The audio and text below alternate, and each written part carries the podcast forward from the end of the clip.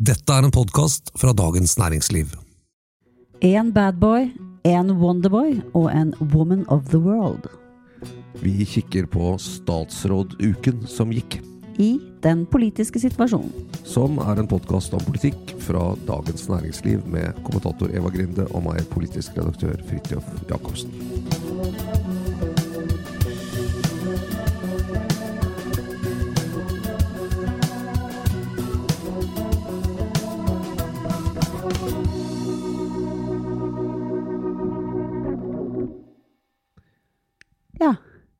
Hvor skal vi begynne? Det, det er noe med når en ny regjering kommer ut på Slottsplassen Vi har holdt på med eh, masse spekulasjoner. Hvem blir statsråder? Det er utnevnelser osv. Men den morsomste fasen er jo det som amerikanerne kaller the hundred days. Altså de Mm. 100 første dagene i en regjering. Hvor alt er litt sånn friskt, nytt. Hvordan skal man eh, på en måte eh, definere seg selv i offentligheten? Hvilke utspill tar man? Og før embetsverket på en måte har slått kloa i statsråden og druknet dem i kalender og jobb og rutine. Og korrekthet. Ja. Og, og der er vi nå i disse åpningene av de 100 dagene. Og noen statsråder har vi da lagt merke til. Du, du skrev denne uka om regjeringens bad boy. Ja, det var jo uh, uten tvil en av de største overraskelsene utnevnelse av Ola Borten Moe som, som forsknings- og høyere utdannelsesminister. Eh, han hadde jo vært liksom hot navn for forsvarsminister. Skjedde det et eller annet på slutten der. um, som, eh, ikke, som ingen har kommet helt til bunns i, tror jeg, hvorfor, hvorfor det ble en endring. Men der, der har jo liksom første som skjedde i den sektoren, der er det jo veldig mange taleføre og veldig mange meningssterke personer, ikke sant? Så du så det liksom florere i sosiale medier av skeptis, skepsis. Hvem er denne mannen som skal komme inn fra et parti som overhodet ikke har brydd seg om høyere utdannelse og forskning siste, siste åra i det hele tatt? Uh, han er en sånn uh, kjent for å være handlekraftig, uh, tøff, en maktpolitiker. Han eier i tillegg et oljeselskap. Liksom. Skal lede en sektor som nå ser seg selv som den sektoren som skal redde verden over i det grønne skiftet. Veldig mange som, som, som, som liksom identifiserer seg med den endringen. Ja. Så det, det, var liksom aller første eh, sånn måten han ble tatt imot på. Ja, altså, alltid vært en litt sånn de spredte Ja. ja, alltid vært uh, action rundt Ola Borten Moe Ja. politisk. Altså litt eh, Altså litt sånn eh, elsk eller hat. Mm. Veldig uredd i stilen. Eh, jeg husker jo fra, eh, fra Senterpartiet i forrige gang i rød-grønn regjeringsperioden, så var han jo han skrev den kronikken om SV-staten i Klassekampen, som kom på trykk mens de hadde landsmøte, og det var rød-grønt samarbeid osv. Daværende partileder Navarsete var jo nærmest i harnisk. ikke sant? Det var utrolig anspent stemning på et sånt landsmøte oppe i Ålesund som jeg var på mellom de to. Eh, og det var jo i og for seg en, eh, etter hvert en relativt åpen konflikt eh, mellom Borten Moe og, og Navarsete, som han da var nestleder. og og så, videre. så, så det har liksom alltid vært en del eh, styr rundt han. Og det, Ja. Han er jo veldig, virker jo også veldig Eller mitt inntrykk er han er ganske uredd for sånt. Han, er, han mener at liksom konflikt og styr og sånn, det, er- det er en helt naturlig del av politikken. Da. Ja, ikke sant? og da blir det ofte kontrovers eh, rundt ham, men det gjør han jo også til en ganske spennende politiker. Altså en som setter i gang debatter osv. Men, så, men så, så var det sånn en ganske rask utvikling, fordi fra det første sånn uh, What, hva er dette for noe? Så har det også vært litt sånn åh, litt sånn skrekkblandet fryd da, i sektoren. Uh, sånn med tanke på at han skal komme. For det, uh, det er jo veldig mange som mener mye om hva som bør gjøres der, og så, er, så ser du liksom at de tenker oi, her er det en handlekraftig politiker som kanskje rett og slett kan få til litt ting, ikke sant? Og det er jo bra. Sånn at det, det, det er jo også en sånn veldig forventning. Samtidig så er det eh, litt interessant, fordi den sektoren er jo overhodet ikke enig med seg selv. Det er, den er jo så kompleks, ikke sant. Ting går, altså, uh, den kan utvikles i mange forskjellige retninger. Eh, og det å, å liksom tenke at han skal gjøre vei i vellinga, det vil eh, som regel bare?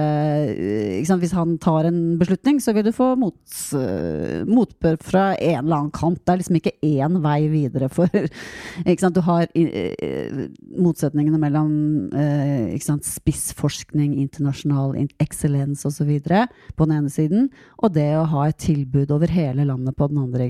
Det er to eh, ganske sånn hvis man har én pott penger å bruke, så vil de to så vil de to tingene stå, stå i motsvar til hverandre. Sant? Og Mm. foreløpig så har Borten Moe eh, gått ut ganske sånn bredt, da. Og sier ja, vi skal, vi skal klatre på de internasjonale rankingene. Bli, det syns han er kjempeviktig. Eh, og samtidig skal vi øke bruken av norsk språk i, norsk, i akademia. Som Mm. jo, og eh, tilby høyere utdanning overalt i landet. Mm.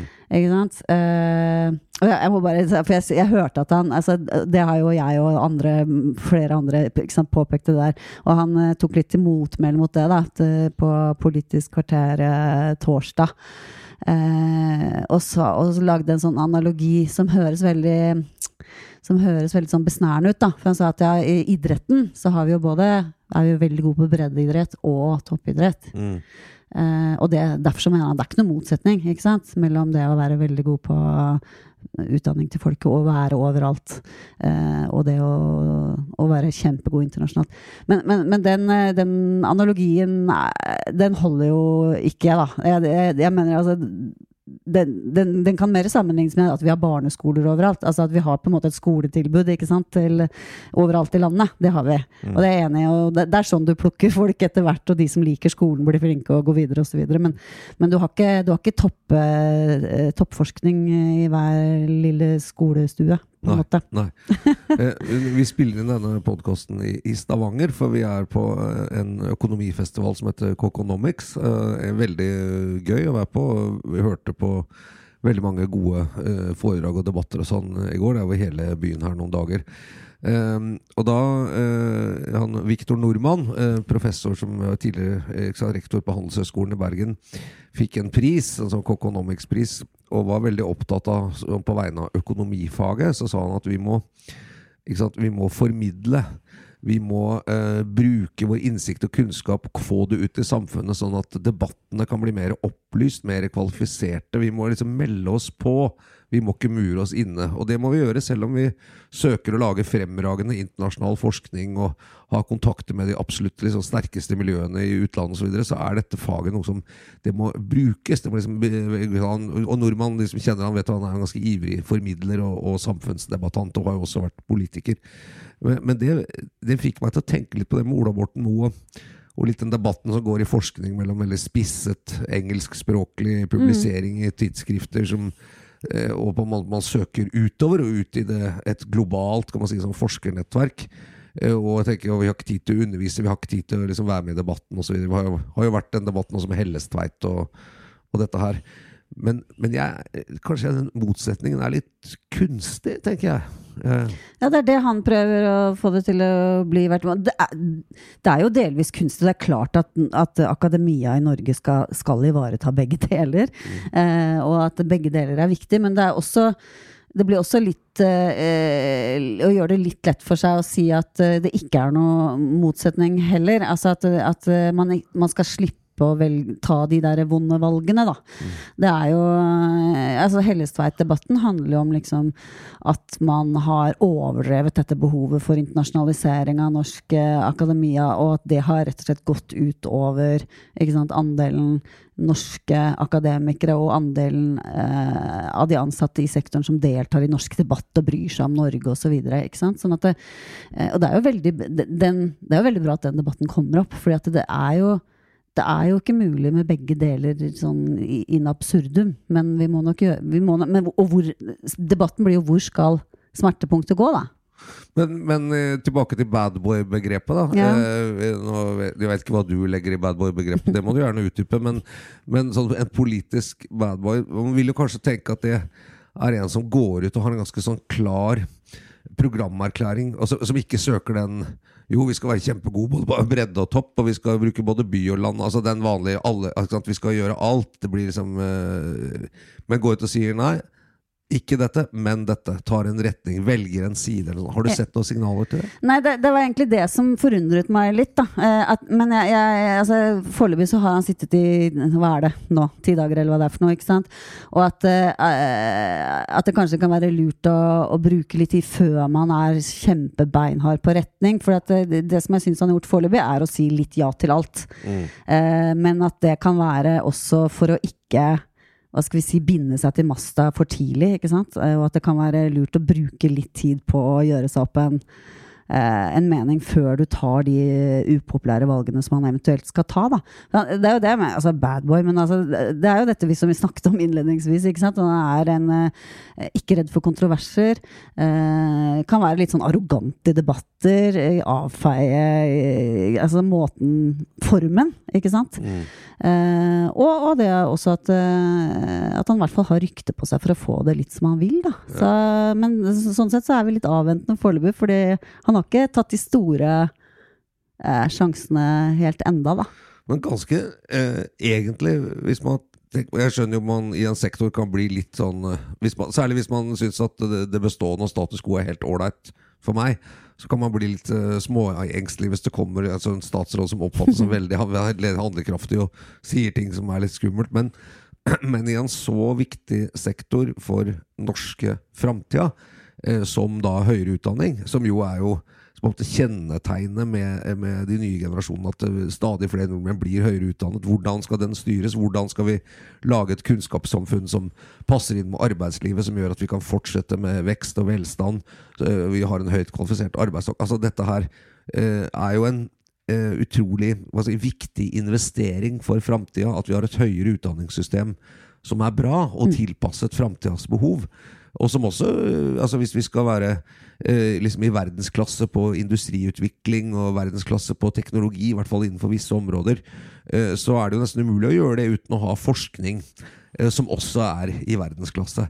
Eh, så, så, på en måte kanskje er det litt frisk for sektoren at man får inn en hva skal man si, modig statsråd som på en måte har en, en, retning, og som heller ikke er så redd for kontroverser hvis man mener at noe må gjøres med sektoren. Da. Det kan være ja. forfriskende, i hvert fall. Ja, ja, ja absolutt. Og så tenker jeg at uh, hans image er jo liksom han er på høyresiden i Senterpartiet. Han står litt for eh, sant, oljenæringen, Norge, nasjonalisme.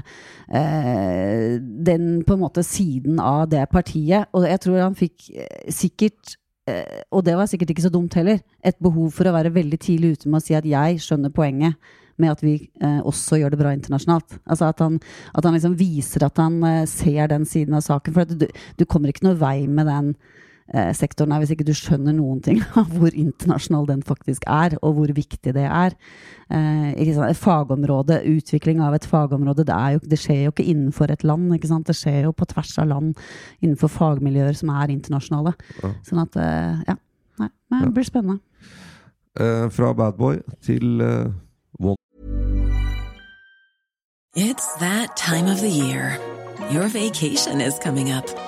You can already hear the beach waves, feel the warm breeze, relax, and think about work. You really, really want it all to work out while you're away.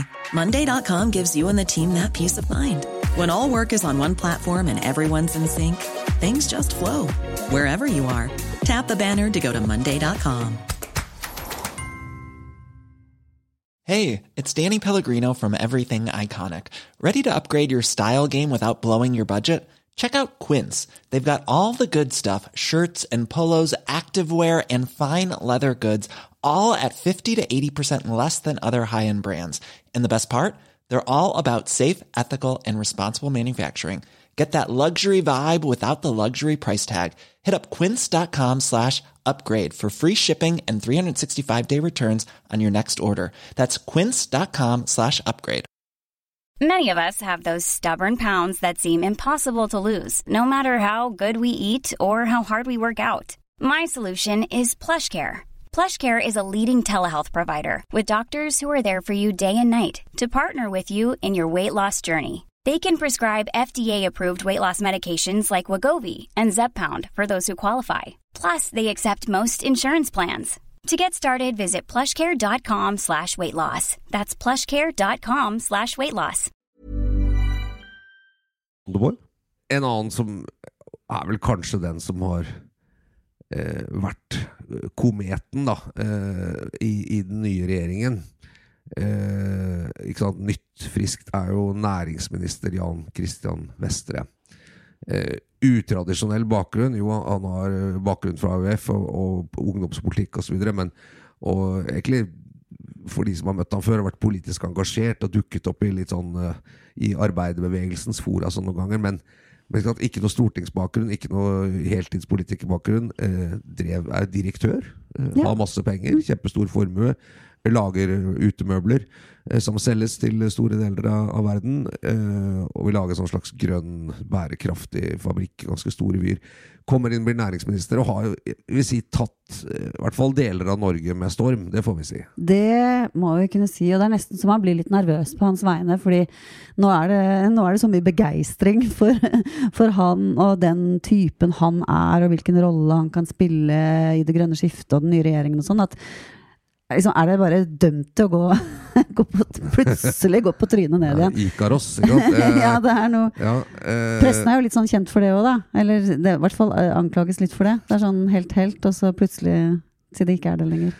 Ja, eh, altså politikk er jo også en kamp om å synes, eh, også internt i partier og regjeringer.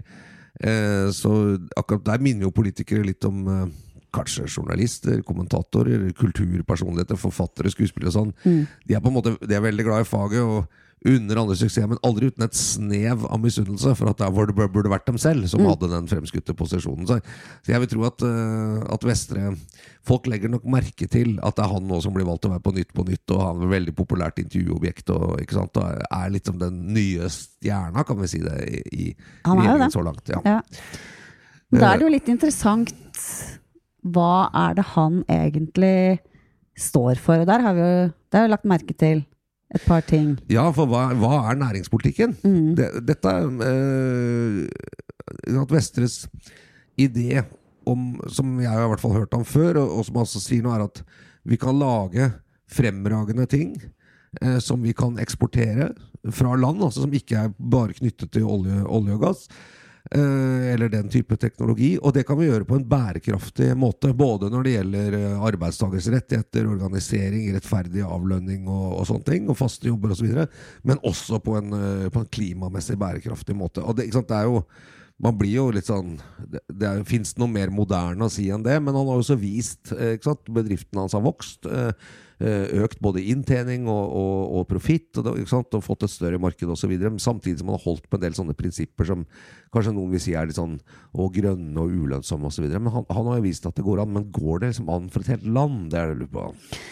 Ja, ja, ikke sant? Det, forskjellen på å lede en eh, familiebedrift og lede næringspolitikken i en hel nasjon, den, eh, den er sikkert eh, ganske så stor. Men jeg, jeg bare syns det er en sånn veldig interessant ting som, jeg, eh, som, som det virker som han legger mye vekt på.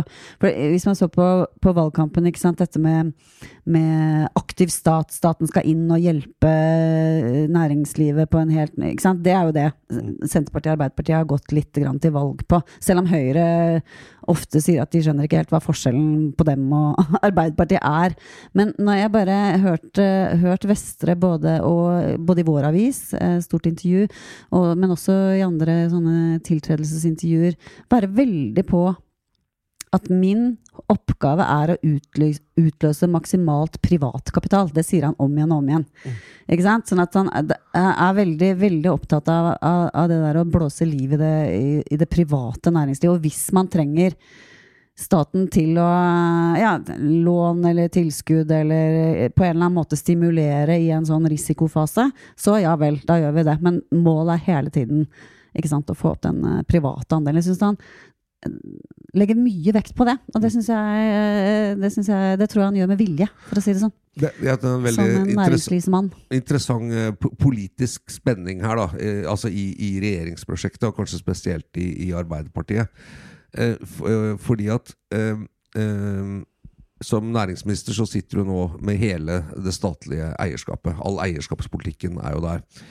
Eh, og det har jo vært en ting som har vært eh, snakket om, er jo at man skal kjøpe seg mer opp. Altså staten skal ta større eierandel i bedrifter, eller kanskje eierandel i nye bedrifter.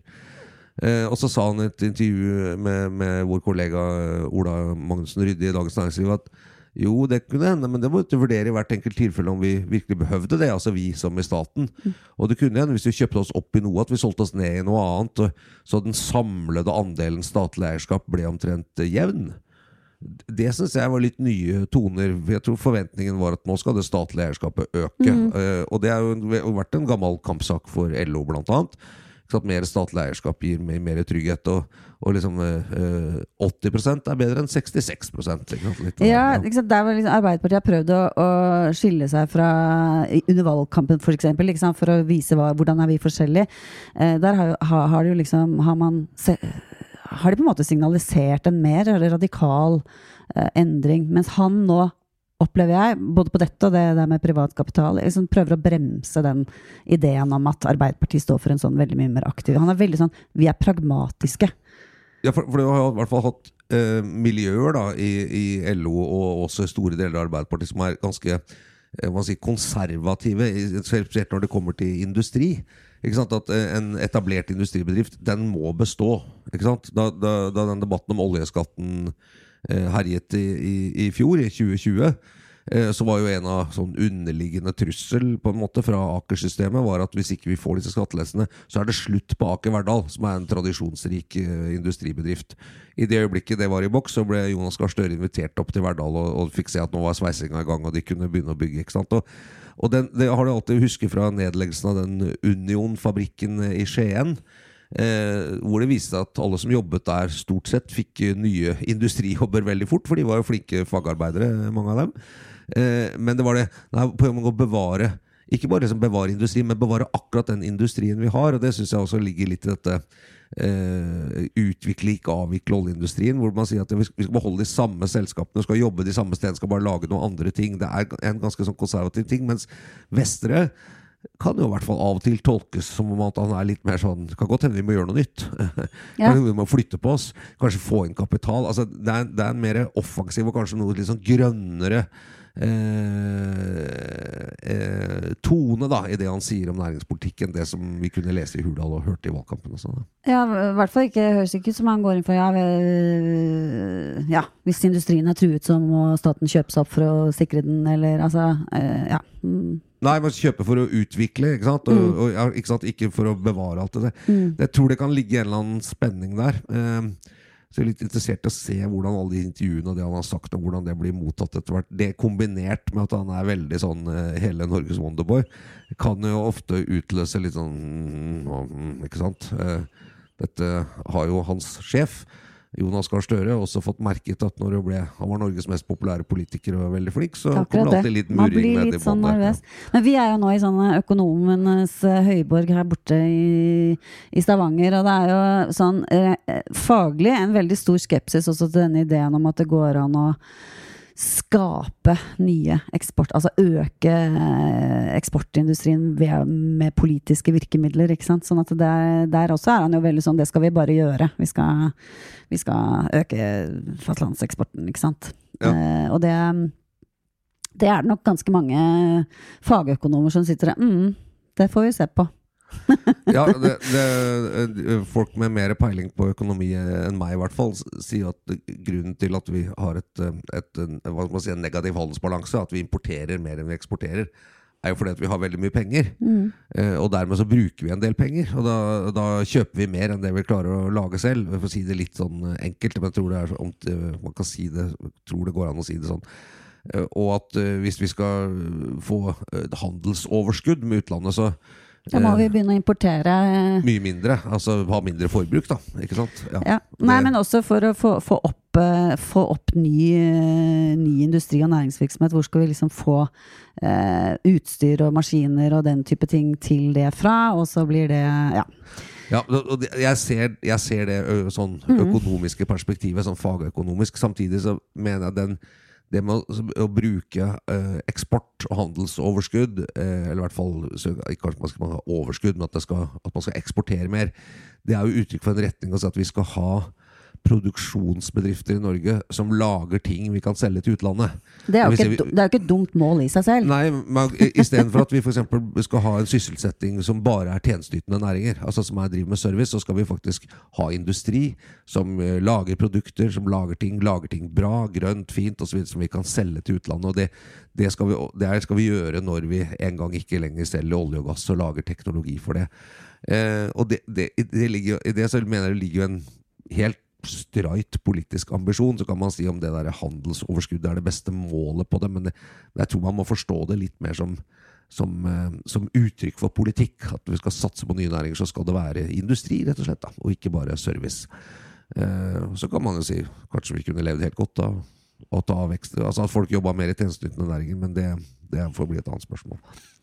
Men Vestre følger vi med interesse, i hvert fall. Det gjør vi. Og flere. Og flere. Med flere nye statsråder. Vi har jo hatt en uh, Wonder Woman. Ja, Var det Wonder Woman vi kalte henne? Nei, jeg tror vi kalte henne Woman of the World. Det var det. Ja. Woman of the world. Ja, hun må vi også snakke om. Fordi eh, eh, det, altså, Vi har hatt nye statsråder, men det har også vært en, en, en, hva skal man si, en gammel statsråd. En veldig erfaren statsråd. En som har vært statsråd eh, nesten så lenge jeg kan huske. Har vært på besøk eh, i Norge. Eh, nemlig Russlands utenriksminister Sergej Lavrov. Eh, en eh, Ringrev. ja, kalle han ja, en slags legende på en Ja. måte i disse internasjonale foraene. Og alltid hvis han Ja, han kan være sånn russisk omstendelig og veldig kjedelig, men kan også være alltid vist en sånn frykt og spenning om hva han skal finne på, for han er en uh, smarting og veldig stor. Høy, svær, fysisk liksom veldig til stede. Det sies jo om han at han liksom, på den ene siden så kan han komme inn i et rom og bare ta det og være veldig sånn der, eh, sosial og varm og, ikke sant, og klem. Og, og på den andre side sånn helt ekstremt iskald og avvisende. Altså sånn, det, det er ganske skummelt. Det er, er noe russisk der som er veldig fascinerende, ikke sant? Not so nice. En, en, av de, en sånn vandrehistorie i diplomatiet er at eh, under eh, disse møtene i FN, da det var generalforsamling i FN Lavrov er veldig ivrig sigarettrøyker. Eh, han var, var det i hvert fall, han har sikkert ikke sluttet med det. Altså, han røyker enormt mange sigaretter. Og da sto han inne i FN og bare røyka som han pleide å gjøre, eh, så mye han eh, ville. Og så var det en eller annen generalsekretær eller sånt, tror jeg, som hadde sagt at eh, nei, vi røyker ikke her inne, liksom. Og da han har sett på han og sagt at uh, Tror du det er ditt hus? Det er, det er mer mitt hus enn ditt, for du er generalsekretær, og jeg er på en måte et stort medlem, her, så jeg røyker akkurat så mye jeg vil i mitt eget hus. Da. Det var liksom typisk. Men, men Anniken Huitfeldt, uh, ny utenriksminister, uh, det var jo hennes første litt sånn profilerte møte med en annen utenriksminister, uh, Lavrov, i Tromsø, i anledning til Barentsrådet, hvor Norge har formannskap. Og det er, det, altså, det er ikke bare bare å møte Lavrov, og Russlands utenriksminister skal være ganske godt påkledd uh, for det. Uh, møtet gikk vel sånn passe greit, men syns det var interessant fordi det er jo, har jo vært under de årene med borgerlig regjering som, som jo eh, lagde, eller pga. Krim, invasjon på Krim og sånn, fikk vi et helt annet forhold til Russland. Vi har mye, og vi har hatt mye mer amerikanere her. Vært mye litt sånn skarpere eh, front mot Russland eh, under den forrige regjeringen. Og en del på venstresiden i norsk politikk du liksom tar jo mer til orde for en sånn mer sånn avspenningspolitikk, tredje vei, at vi skal ha en slags mellomrolle, ikke være så knytta til USA. Og sånn, eh, Russerne har jo vært ivrige med å backe det narrativet. Så blir litt sånn spent hvor Huitfeldt kommer til å legge seg. Eh, men eh, ja. Det var jo ekstra spennende for oss, for, vi hadde, eller for DN. Vi hadde jo en uh, svær, eh, avslørende dokumentar noen dager før om dette forskningsskipet. ja. Akademik Lasarev, var det ikke det det het? Jo, jo. Som jo da i tillegg til å Eller under dekke, kanskje, av å være et forskningsskip, istedenfor å ha drevet og kartlagt eh, sånn viktige infrastrukturer på havbunnen utenfor norskekysten, kabler Ja. osv. Ja. Eh, og da, da var det jo litt interessant å høre uh, På forhånd så ville ikke Huitfeldt si noe om hun kom til å nevne den type ting, da, og helt konkret akkurat den historien, som jo nå er uh, Og så viste det seg etterpå at, det, at hun hadde funnet ut at det ikke hørte til Utenriksdepartementet å snakke om den type ting. Nei, det, Det er litt interessant. det er krevende. Det, så historien var jo egentlig nok en historie, men som var god og dokumentert om at det drives utstrakt etterretningsvirksomhet da, mm. mot Norge. eh, og, våre, og, og også disse eh, kablene særlig som går til både til Europa og til andre land. Viktige kabler. Så setter man de ut av spill, så slutter jo internett kanskje å virke, f.eks. Eller folk får ikke strøm. Det, så det er ganske mye med det. Men eh, ikke så unaturlig kanskje at, den, eh, at uh, Russland driver med etterretning mot Norge. Vi, vi driver jo med etterretning mot Russland også i ganske stor skala. Men, men det er noe med måten det blir gjort på. Det er noe med å bruke sivile fartøyer. Det er noe? Det var plutselig veldig mange russiske sjøfolk som hadde hyre på et norsk rederi. De drev og skaffet seg sånne Led, farledsbevis. Ja. heter, ja. Du kan seile uten los da, i kysten, Mm. eh, som gjør at du da Du kan selvfølgelig lære veldig mye om kysten ved å stå ved siden av en los også, det er ikke det, men men da, kan du, da er det ingen som kontrollerer hvis du eksempel sakker farten for å putte noe ut i vannet, et eller annet, eh, ikke sant, noe utstyr eller den type ting. Så, så det er en viss sånn eh, ting som går her. Nå tror jeg det er relativt kjent, altså dette etterretningsbildet, men, men eh, likevel sier jo noe om, om et ganske anspent forhold. Så, eh, men, jeg, men jeg har oppfattet vel ikke at denne regjeringen egentlig står De prater litt mer om dialog og sånn, men det står ikke for noe sånn veldig skille i vår politikk mot Russland. Og etter at SV da ikke ble med i regjeringen, så tror jeg, da tror jeg liksom den som eventuelt kunne dratt det litt den retningen eh, ja, da, da er liksom det også ute. Så jeg tror vi kommer til å ha en like på en måte sånn hva skal man si, fast politikk, sikkerhetspolitikk mot Russland. Eh, I hvert fall ut fra de første møtene. Og Lavrov var jo og møtte Støre også. Ikke sant? Så litt sånn, eh, Det kom litt overraskende. Ja. Ja. Ja, nei, men det er jo en isfront med Nato, så det er jo Ja, man hører liksom på retorikken fra Russland at de vil gjerne ha et litt sånn koselig forhold til oss, da. Det er ikke noe farlig for dem å ha et litt koselig forhold til Norge. Det, mens vi kanskje er best tjent med å uh, ha et par armlengder der. Ja, de, uh, Lavrov tok et ord orde for at det skulle etablere en fast sånn dialog mellom forsvarsministeren i Russland og forsvarsministeren i, i Norge om sikkerhet. Og det er jo typisk. ikke sant, I Nato så ville, da ville man sagt nei, det gjør vi ikke. Så Du prater ikke med russerne på egen hånd. Det er Nato som prater med russerne. ikke sant, det er litt den, eh, Så er Ja. i hvert fall på forsvar og sikkerhet og sånn. Så, så har man jo kanaler for at ikke det skal bli unødvendig styr, og på, kanskje på generalsnivå, sånn, så kan man ha en viss kontakt. Men, men ikke sant, det er litt sånn Russerne trakk alle sine folk ut av Nato-hovedkvarteret i Brussel. eh, Fordi det ble jo avslørt at mange av de var etterretningsagenter, og ikke det de sa de var. Eh, Og så kommer de og sier å nei, men vi skal ha en sånn egen altså en bilateral eh, dialog med Norge. Eh, For vi, Nato har vi ikke noe dialog med, vi vil gjerne ha en dialog med Norge. Og det, det setter jo Norge som Nato-land i en ganske krevende posisjon. Men, men den, det agnet der bet ikke regjeringen på, da. nei, det, det, det tror jeg kanskje vi skal være like glad for.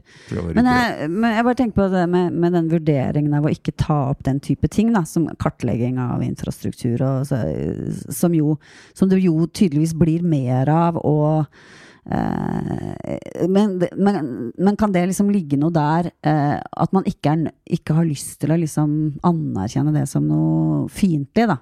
Altså, de, Russerne prøver jo å si at nei, nei, nei, vi driver jo ikke med det, vi driver med forskning. ikke sant? Sånn at Hvis Huitfeldt begynner å ta opp det som utenriksminister på vegne av nasjonen, så vil det liksom hva skal vi si, spisse liksom vår oppfatning av hva det er som egentlig skjer der. Er det liksom greier å ikke lage konflikt av det?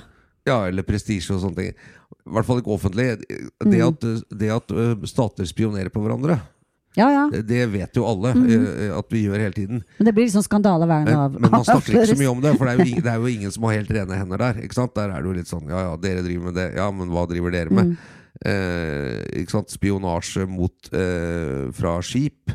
Eh, den norske etterretningstjenesten på 50-tallet og et godt stykke oppover hadde jo en kjempestor operasjon eh, som gikk på at norske sjøfolk på sivile skip som seilte inn med varer til Murmansk, tok masse bilder og fløy rundt og kartla militære installasjoner på fritida. Var eh, sant? sjøfolk og agenter. Det står i, i etterretningstjenestens historie. Så, så? Det er ikke så mye nytt at man bruker den type sånne cover da, for å gjøre de tingene. Men, men er, jeg tror man er sånn sier, vi tar ikke det på politisk dialog, for det, det blir bare det er bare en sånn suppe som vi Men for å hause det for mye. Ja. Mm. Så, så man anerkjenner på en måte at alle land driver med spionasje eller etterretning mot hverandre, og så prøver man ikke å nevne det så mye, da.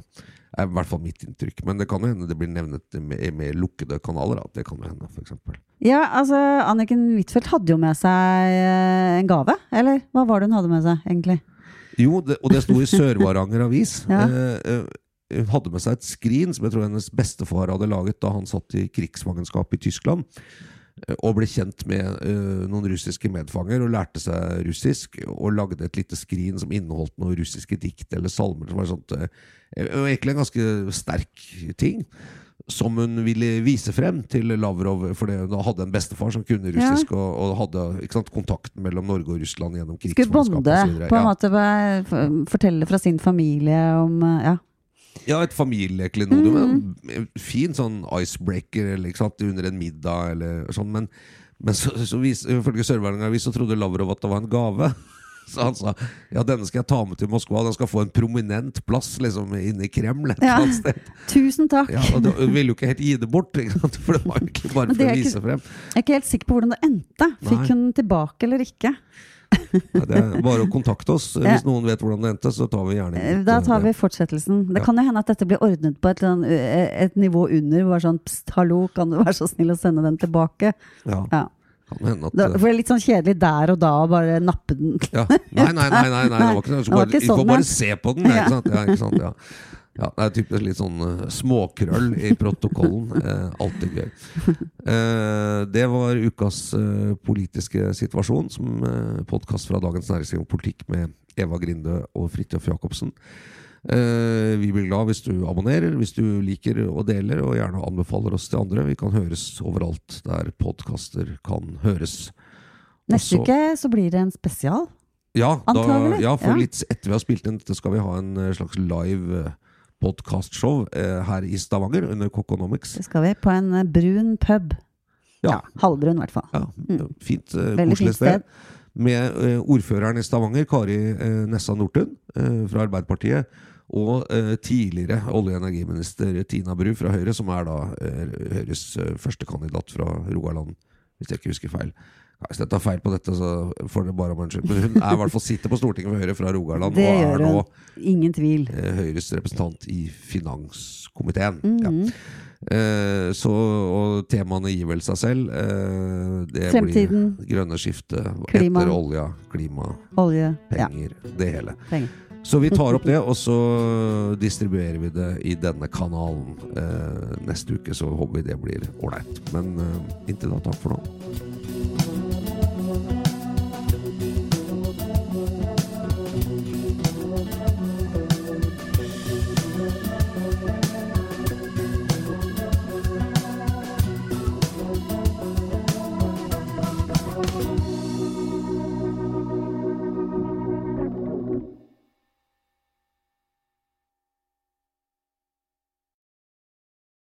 Du har nå hørt en podkast fra Dagens Næringsliv.